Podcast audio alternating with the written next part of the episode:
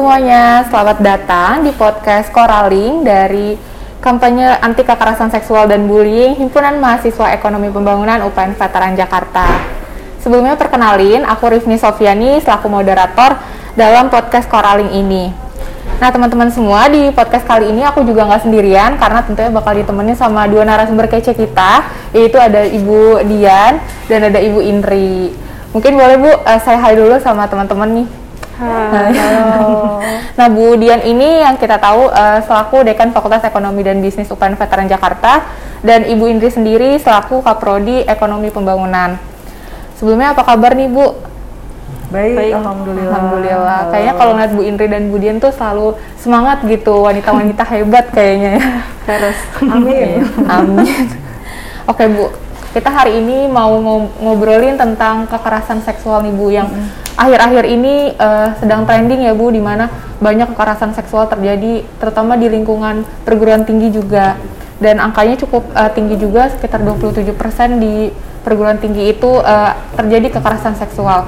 Nah, menurut pendapat eh, Ibu sendiri nih terkait kekerasan seksual yang terjadi di lembaga pendidikan itu eh, bagaimana Bu tanggapannya? Mungkin boleh dari Bu Dian terlebih dahulu. Ya.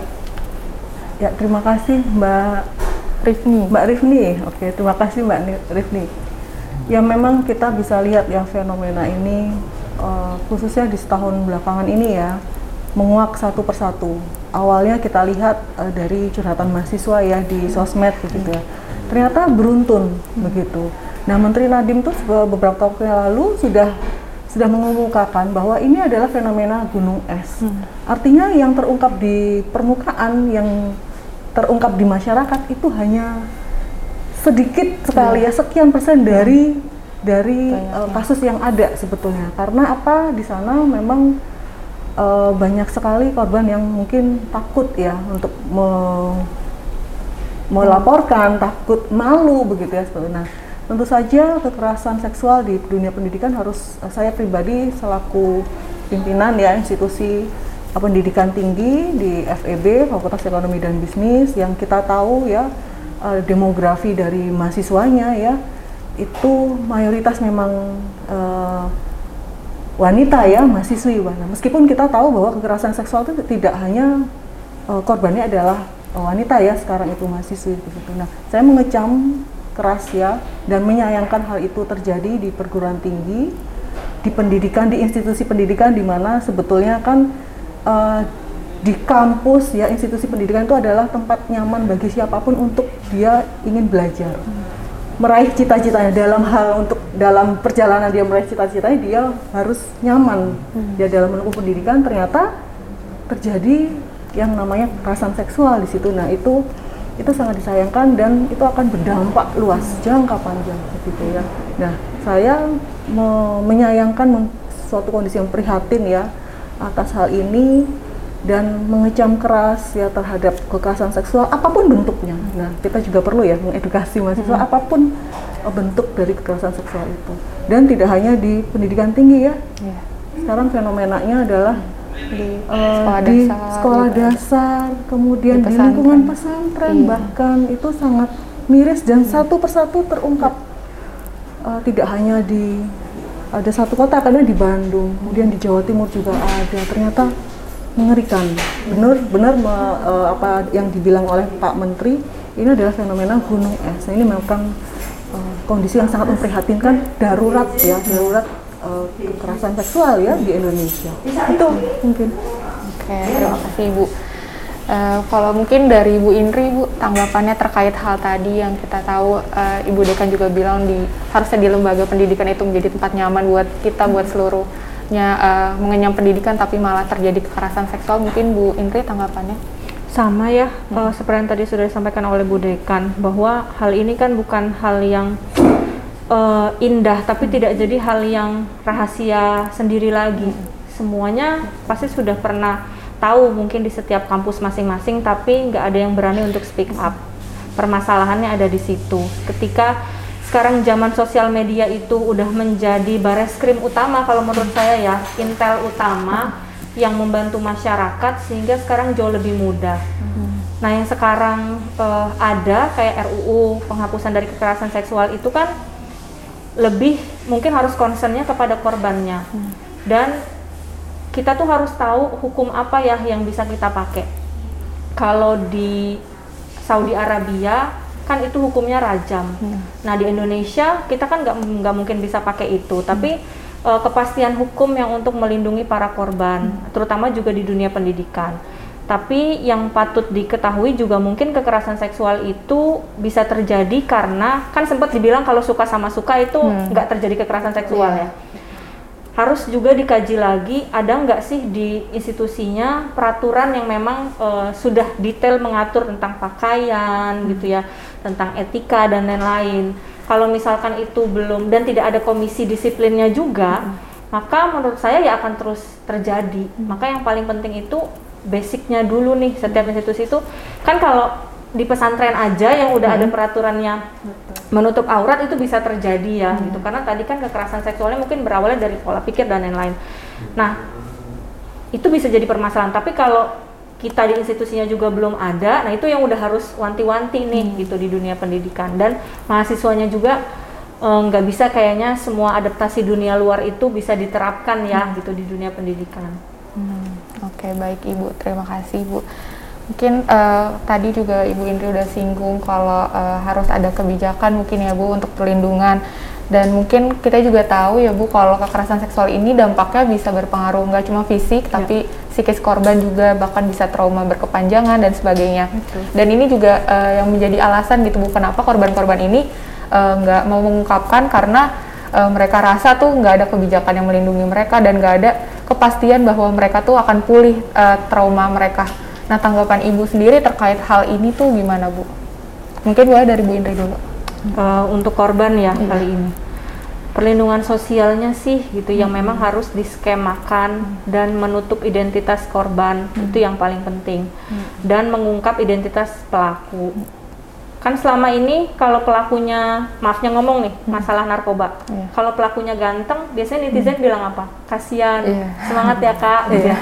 tapi kalau pelakunya yang memang maafnya ngomong udah nggak good looking yeah. terus dia nggak punya prestasi pasti dijudge satu masyarakat hmm. yang itu se Indonesia hmm. nah itunya dulu tuh yang harus apa tuh uh, yang harus kita uh, buat gitu dalam hmm. negara dari sisi konsep uh, sosialnya perlindungannya itu mau seperti hmm. apa gitu ya dan ya mungkin harus ada peranan dari komisi perlindungan uh, perempuan hmm. gitu tuh hak asasi manusia dan lain-lain jadi hmm. semuanya tuh harus sinkron hmm. dan kan kalau ini ada kampanyenya yeah. berarti harus membuat salah satu divisi-divisinya gitu di setiap universitas hmm. jadi jauh jauh lebih bisa mem memberikan apa ya rasa perlindungan lah sama hmm. korbannya hmm, oke okay, bu Mungkin kalau dari Bu Dian sendiri tanggapannya gimana Bu untuk korban mungkin yang masih enggan untuk berbicara karena takut juga kadang kita merasa sendiri, kadang juga merasa di uh, jadi malah kadang tuh uh, teman-temannya malah ngejauh atau dianggap aib bagi keluarga kan juga mungkin Ibu tanggapannya?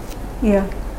Uh, itu ya uh, itu yang yang menjadikan apa ya pelaku hmm. itu nyaman hmm. karena korban selama ini korban itu takut dan malu itu merasa aib gitu ya yeah. merasa aib nah sekarang betul ya saya sepakat dengan apa yang dibilang Bu Indri sekarang kita uh, buat korban ini mau dulu mengungkapkan dan berani mengungkapkan kita sudah pernah lihat ya banyak kasus bahkan uh, malah berbalik ya ke hmm. korbannya yang disorot begitu yeah. ya korbannya yang disorot dibilang itu untuk pencemaran nama hmm. baik, nah itu yang harus kita hindarkan.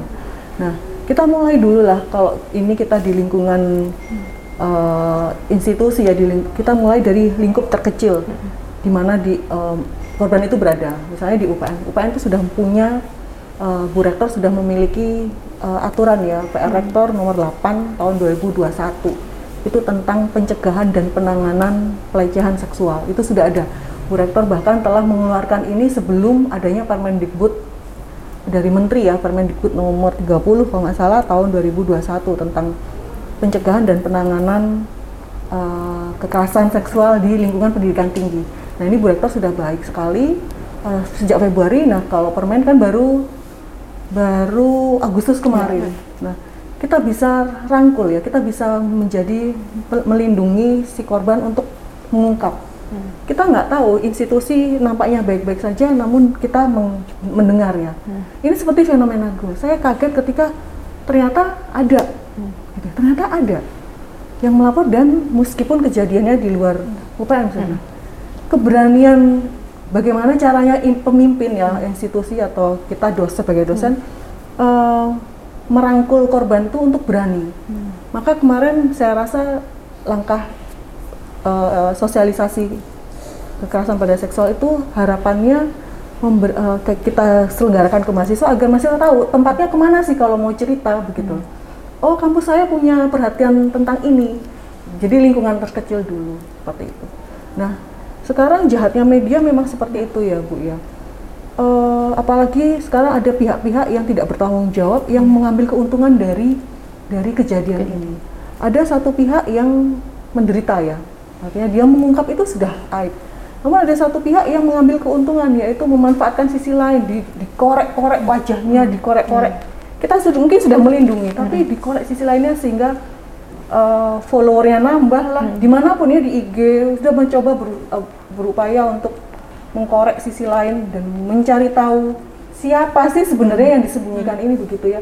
Nah itu rasanya tidak tidak tidak punya sense of empathy ya. Yeah. Nah itu di pihak-pihak yang bertanggung jawab itu juga harusnya dimintai pertanggungjawaban yeah. dia untuk tidak seperti itu. Ini kan mengedukasi uh, masyarakat justru.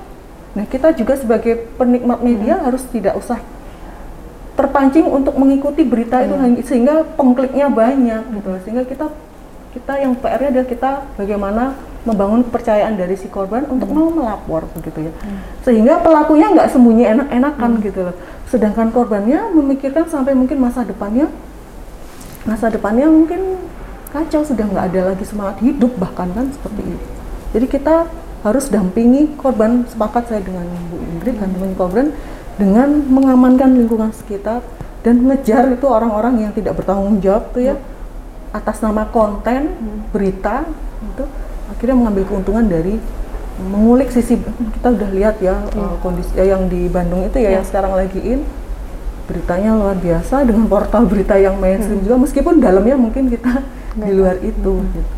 itu ya Iya Bu, benar sekali memang di Indonesia sendiri kayaknya uh, dari masyarakatnya juga masih menganggap tabu gitu ya betul, Bu. Betul. Belum ada edukasi yang tepat terkait kekerasan seksual ini. Nah, uh, kalau dari sisi uh, pemerintah juga kan udah mengeluarkan Permendikbud ya Bu, hmm. terus juga tadi Ibu bilang rektor juga sudah mengeluarkan hmm. segala macam, tapi dari sisi pemerintah juga tetap masih ada uh, kebingungan atau gagap gitu Bu dalam menangani kasus-kasus kekerasan seksual. Betul. Di mana kasus kekerasan seksual juga kita tahu kalau uh, minim bukti ya Bu, jadi ini menjadi masalah juga Betul. buat uh, uh, penanganan kasus kekerasan seksualnya. Nah, menurut pendapat Ibu, uh, adakah kayak uh, solusi atau kebijakan gitu Bu? Uh, bentuk konkretnya seperti apa supaya pemerintah uh, dalam menangani kasus kekerasan seksual ini bisa lebih tepat gitu Bu? Mungkin boleh dari Bu Dian terlebih dahulu. Iya, betul banget ya uh, minim bukti. Nah, komitmen pemerintah juga kemarin udah rame ya kemarin kemarin nih baru rame hmm. dibicarakan bahwa ternyata RUU tentang kekerasan hmm. seksual itu kan nggak jadi yeah. dibicarakan yeah. ya yeah. di DPR. Nah ini banyak yang mengecewakan.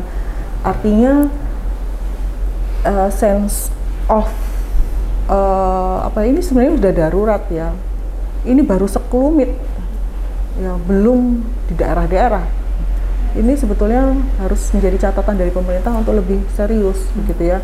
Kita adakanlah eh, undang-undang uh, yang mengatur bagaimana uh, tindak pidana ya tidak pidana atas uh, pelecehan atau kekerasan dan pelecehan seksual, kekerasan seksual seperti itu.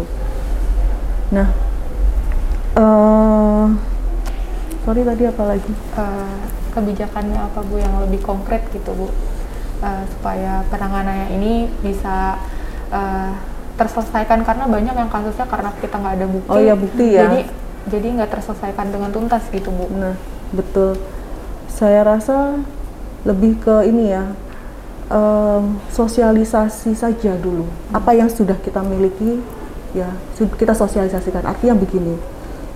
Kalau yang dipermasalahkan adalah tidak ada bukti, hmm. memang sulit ya. Iya mana ada dilakukan terang-terangan begitu ya pasti bukti dan orang cenderungnya kalau sekarang sudah sudah teredukasi dengan baik korbannya dia pasti tahu ke mana harus mungkin setelah terjadi dia harus visum dulu atau dia ke ke rumah sakit untuk untuk apa memeriksakan dirinya begitu kan? Atau eh, foto misalnya seperti itu nah bisa juga. Nah ini sebenarnya eh, yang lebih terpenting adalah hal-hal apa saja yang bisa digolongkan menjadi kekerasan seksual itu penting edukasi seperti itu. Contoh ketika kita tidak hanya dipegang ya, Iya. kekerasan seksual itu banyak bentuknya. Iya, Ketika kita tidak nyaman, ini kebetulan Bu Indri ya, ini share pengalaman saja. Mungkin tidak banyak yang tahu bahwa saya pernah mengalami kekerasan seksual. Artinya bukan kekerasan tapi pelecehan seksual di lingkungan pekerjaan. Jadi awalnya memang begitu. Kok kok begini ya? Harusnya kan tidak begitu. Loh, kok diperlakukan seperti ini? Jadi eh, perlakuan apa ya? Memang itu traumanya dalam ya. Artinya in position saya nggak usah terlalu menjelaskan detailnya, tapi it happens to me gitu loh. Jadi pelecehan itu terjadi pada diri saya dan saya waktu itu saya men- saya perlu waktu beberapa detik untuk mencerna. Ini sepertinya nggak appropriate nih ada orang memperlakukan saya seperti ini. Akhirnya saya lapor ke atasan yang bersangkutan. Saya minta eh, diproses. Sudah diproses dan yang bersangkutan itu mengira saya orang lain. Bayangkan mengira saya orang lain sehingga dia memperlakukan saya seperti itu. Karena mungkin saya dipikirnya mahasiswa atau tenaga kontrak atau apa, jadi mengiranya ternyata bude kan, kaget dia. Ya saya perlu mencerna waktu. Kok seperti ini ya? Ini kan sesuatu yang nggak bo- diperbolehkan loh, begitu loh. Akhirnya itu sempat membuat saya beberapa waktu untuk untuk untuk mencerna ini nggak dibetulkan ya saya harus lapor ternyata pengakuannya adalah saya mengira dia mengira saya bukan budekan bayangkan kalau saya bukan budekan berapa kali dia melakukan itu seperti ke orang lain begitu loh. Ke mahasiswa mungkin? Memang tidak tidak tidak berbahaya ya yang dilakukan tapi itu sudah nggak appropriate menurut saya. Menghadang saya menghadang sangat dekat in position he wants to close his face, face to, to face. Hmm. Nah, itu kan nggak appropriate.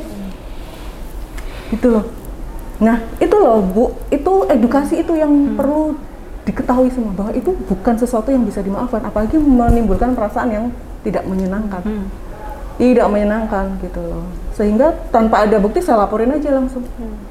Mau mengelak nggak bisa. Nggak ada saksi tapi keberanian aja. Nggak harus ada bukti kok tapi kita harus yakin kalau kita benar. Dilaporkan ternyata mengakui bahwa dipikirnya bukan budekan diproses udah diproses sampai ada jatuh sanksi. Begitu dan dan saya tidak mau hal itu terjadi ke banyak orang. Sempat juga dengar setelah saya lapor sempat juga dengar bahwa banyak juga loh yang melakukan seperti itu tapi sudah diselesaikan ya sudah diselesaikan. Baik sekali Bu Rektor eh, untuk melindungi hak-hak jadi itu ya itu yang membuat saya jangan sampailah mahasiswa saya jadi korban. Jadi korban. Ayo gitu loh. Di dilaporkan. Nggak perlu ada bukti asal kita berani. yakin benar.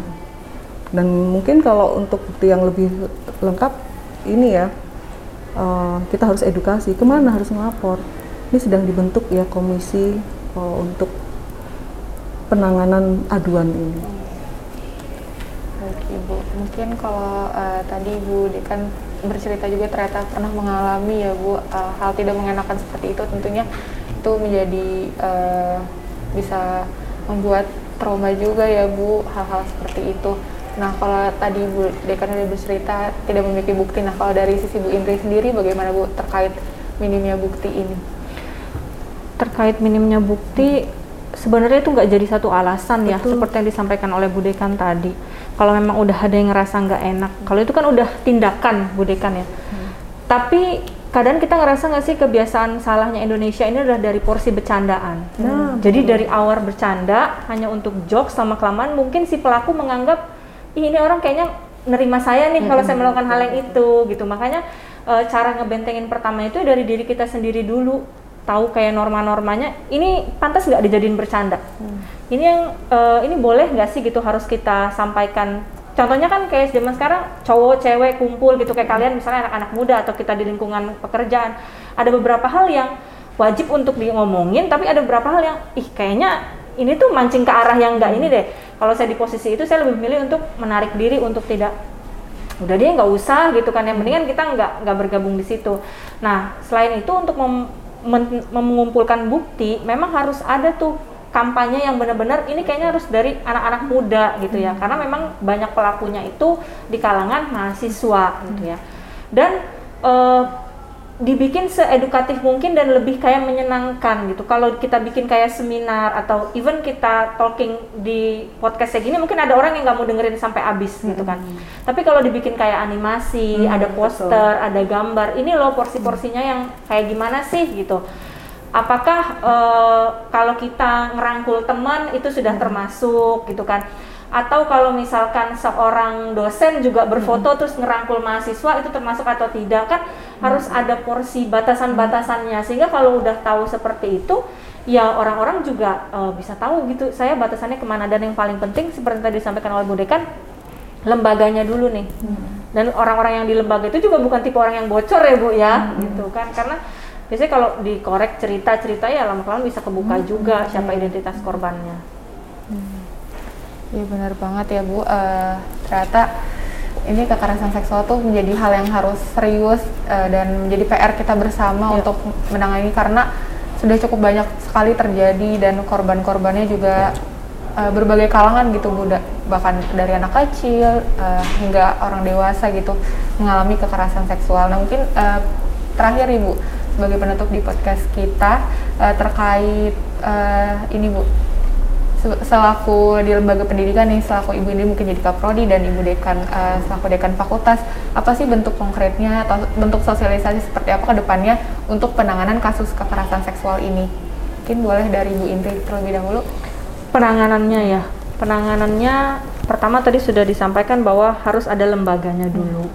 Orang-orang yang di lembaganya juga bukan yang sembarangan. Mungkin lebih kepada orang yang berjiwa psikologi karena ini kan mentalnya ya yang terkena walaupun kita bilang eh, ya fisik mah kalau luka ada obatnya tapi Iya. kalau mental gimana cara dia mengobatinya? Terus eh, memang setelah adanya lembaga tersebut kampanyenya itu nggak cuma sekali dua kali tapi memang terus terusan dan harus ada etika eh, berperilaku mahasiswa ke dosen dosen ke mahasiswa. Kadang kan juga mahasiswanya mungkin yang terlalu menyodorkan diri sehingga kayak memancing ya buat eh, dosennya.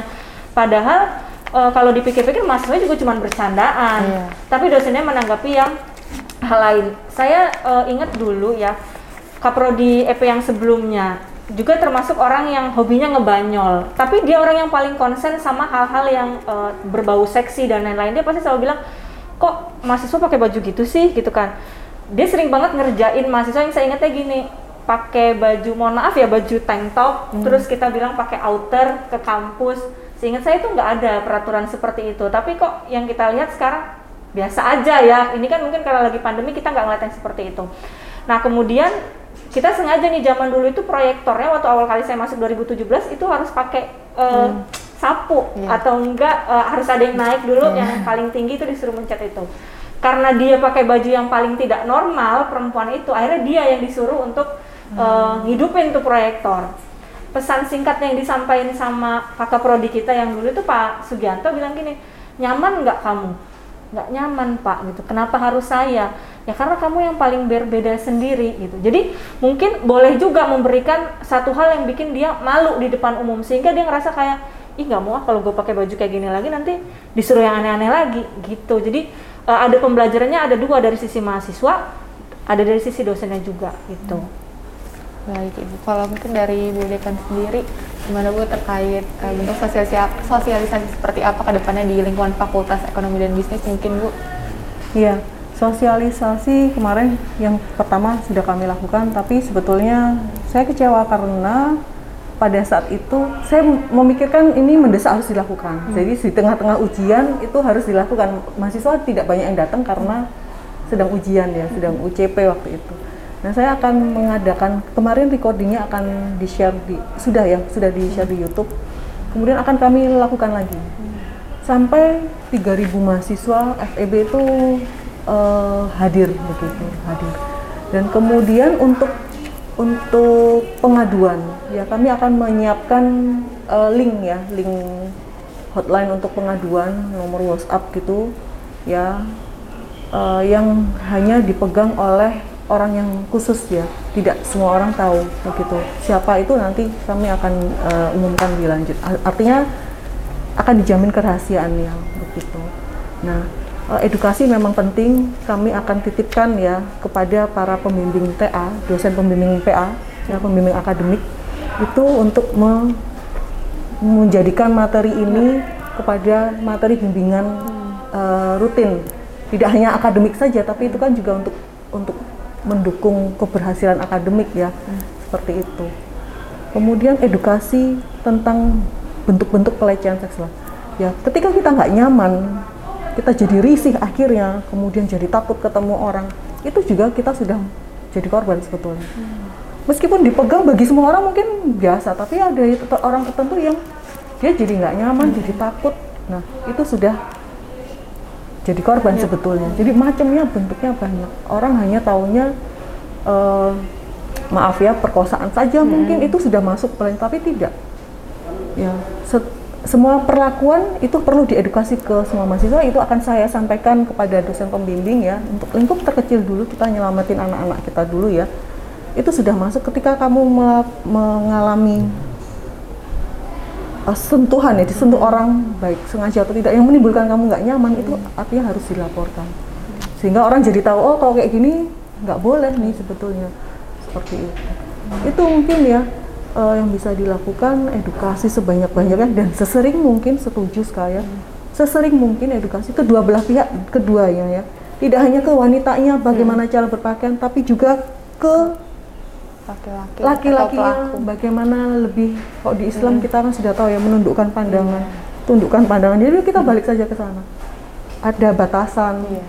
begitu itu sih harus harus di kedua belah pihak harus tahu begitu ya seperti benar sekali ya Bu, ternyata uh, harus diperkuat lagi perlindungannya, hmm. lalu juga uh, lembaga pendidikan juga berperan ya uh, sebagai bentuk sosialisasi uh, terkait kekerasan seksual ini. Hmm. Terus juga ternyata bentuk-bentuk kekerasan seksual juga banyak, nggak hanya fisik, bahkan bisa lewat uh, ini ya Bu, omongan, ketikan, verbal kan yeah. uh, banyak tuh ya Bu. Uh, sekarang juga uh, mungkin tadi kita udah ngobrol-ngobrol Bu, uh, udah banyak yang kita omongin serius sekali tentang kekerasan seksual ya Bu, karena memang isunya nih sangat hangat sekali akhir-akhir ini uh, dan uh, mungkin ada hal yang uh, penting diingat juga buat kita semua bahwasannya kekerasan seksual ini terjadi bukan sebab karena korban tentunya Ibu, uh, karena tentunya bisa jadi karena ada oknum-oknum yang tidak bertanggung jawab ini melakukan hal-hal kekerasan seksual dan tidak bisa dibenarkan juga uh, entah dari gendernya laki-laki kah atau maupun perempuan hmm. bisa berhak dilecehkan, bisa hmm. berhak diperlakukan tidak baik. Uh, mungkin kita ada jargon juga nih Bu terkait kekerasan seksual ini. Mungkin kita bisa sama-sama uh, bareng-bareng satu dua tiga. Ayo galakan anti kekerasan seksual. Oke. Okay. Baik Bu, uh, tadi kita udah ngobrol-ngobrol hal uh, yang serius. Uh, mungkin untuk meregangkan uh, diri kita nih Bu terkait tadi kita mau ada sesi seru-seruan hmm. yaitu terkait ada pertanyaan singkat mungkin yang Bu Indri dan Bu uh, Dian bisa jawab. Hmm. Mungkin jawabnya cepet ya Bu. ada hadiahnya. Biar aduh, ada hadiahnya. mungkin nanti Hima ya jawabnya. uh, mungkin langsung dijawab setiap saya nanya ya Bu. Hmm. Mungkin uh, bergiliran boleh dari Bu Dian dulu. Hmm. Orang nggak tahu kalau saya itu hobinya nempel bantal tidur, Oh. nempel sentenderan tidur. Oh, nempel bantal langsung tidur ya, Bu? kepala nyandar sesuatu tidur. Oh, di mana aja gitu Bu? Gimana aja. Oke. Kalau Ibu Indri sendiri, orang nggak tahu kalau saya itu hobinya makan Kayaknya wanita-wanita tuh emang hobi makan ya, Bu. emang paling enak tuh makan ya, Bu. Eh, lanjut ke pertanyaan selanjutnya mungkin dari Bu Indri. Kalau bukan menjadi kaprodi, saya akan menjadi dosen aja Oh, oke, dosen. Mungkin gak jadi rektor aja nih, Bu. Ke depannya. Oke, jadi dosen aja. Kalau dari Bu Dian, kalau bukan menjadi dekan, saya menjadi Dosen terbang, gimana tuh dosen terbang, Bu? terbang ke tempat-tempat. sampai luar negeri Luar negeri. Oke, Bu lanjut pertanyaan. Pertanyaannya buat Bu Dian, sesuatu yang ingin saya ulang di hidup saya. Adakah, Bu? Traveling, Oh. punya banyak traveling. waktu untuk traveling ke luar negeri. Emang sekarang nggak banyak waktu nih, Bu? Kayak sibuk ya sebagai dekan, Bu. Iya betul. Nggak boleh cuti saya. Dan pandemi ya masih pandemi. Iya. Gitu. Semoga secepatnya ya Bu bisa Amin. kelar apalagi ini ada varian baru lagi katanya Ya, udah betul. ditemukan Omri Om Om Dan Omikron ya semoga Bu. tidak ada level 3 ya. Iya amin ya Bu. Kayak soalnya capek juga ya Bu nggak kelar-kelar ini. curhat ini curhat Mungkin Ibu Indri nih sesuatu yang ingin saya ulang di hidup saya. Eh, banyak waktu sama ibu saya dan hamil lagi Waduh. Ke depannya nih Bu Iya, 2022. karena nggak tahu maksudnya eh, efek kalau nggak mau makan ini tuh ternyata Oh. anaknya jadi gini gitu. Jadi Oh. karena kan banyak nolaknya kemarin waktu hamil banyak bilang nggak mau makan, nggak mau makan. Hmm. Sementara ada orang lain yang berjuang mual tetap makan. Kalau saya mual ya saya nggak mau makan. Mungkin 2022 udah program kali ya Bu. Eh, nanti ya nunggu saya selesai S3. ditunggu ditunggu adiknya Rich Iya. ya bu mungkin lanjut buat Bu Indri terakhir nih Bu saya merasa diri saya cantik ketika Bangun tidur. Oh,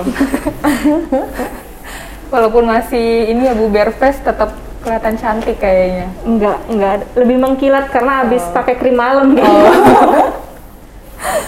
Oke kalau Bu Dian nih Bu saya merasa diri saya cantik ketika kena matahari Oh. olahraga. saya kembalikan itu, Bu. cahaya ilahi gitu ya Iya. kalau kata orang-orang Iya, me time saya kan jalan pagi. Itu Oke. d- paling cantik deh pokoknya. Oke. Ya mungkin sekian Bu terkait fun fact-nya nih. Eh, dan makasih banget Ibu Indri dan Bu De- eh, Dian yang telah meluangkan waktunya kita udah berbicara banyak hal tentang kekerasan seksual dan lain sebagainya. Mungkin di lain kesempatan kita bisa eh, ngobrol-ngobrol lagi ya Bu. Mungkin sekian eh, saya tutup podcastnya. Eh, saya Rifni Sofiani selaku moderator di podcast kali ini. Pamit undur diri. Sampai bertemu di podcast selanjutnya. Makasih. Bye. Bye.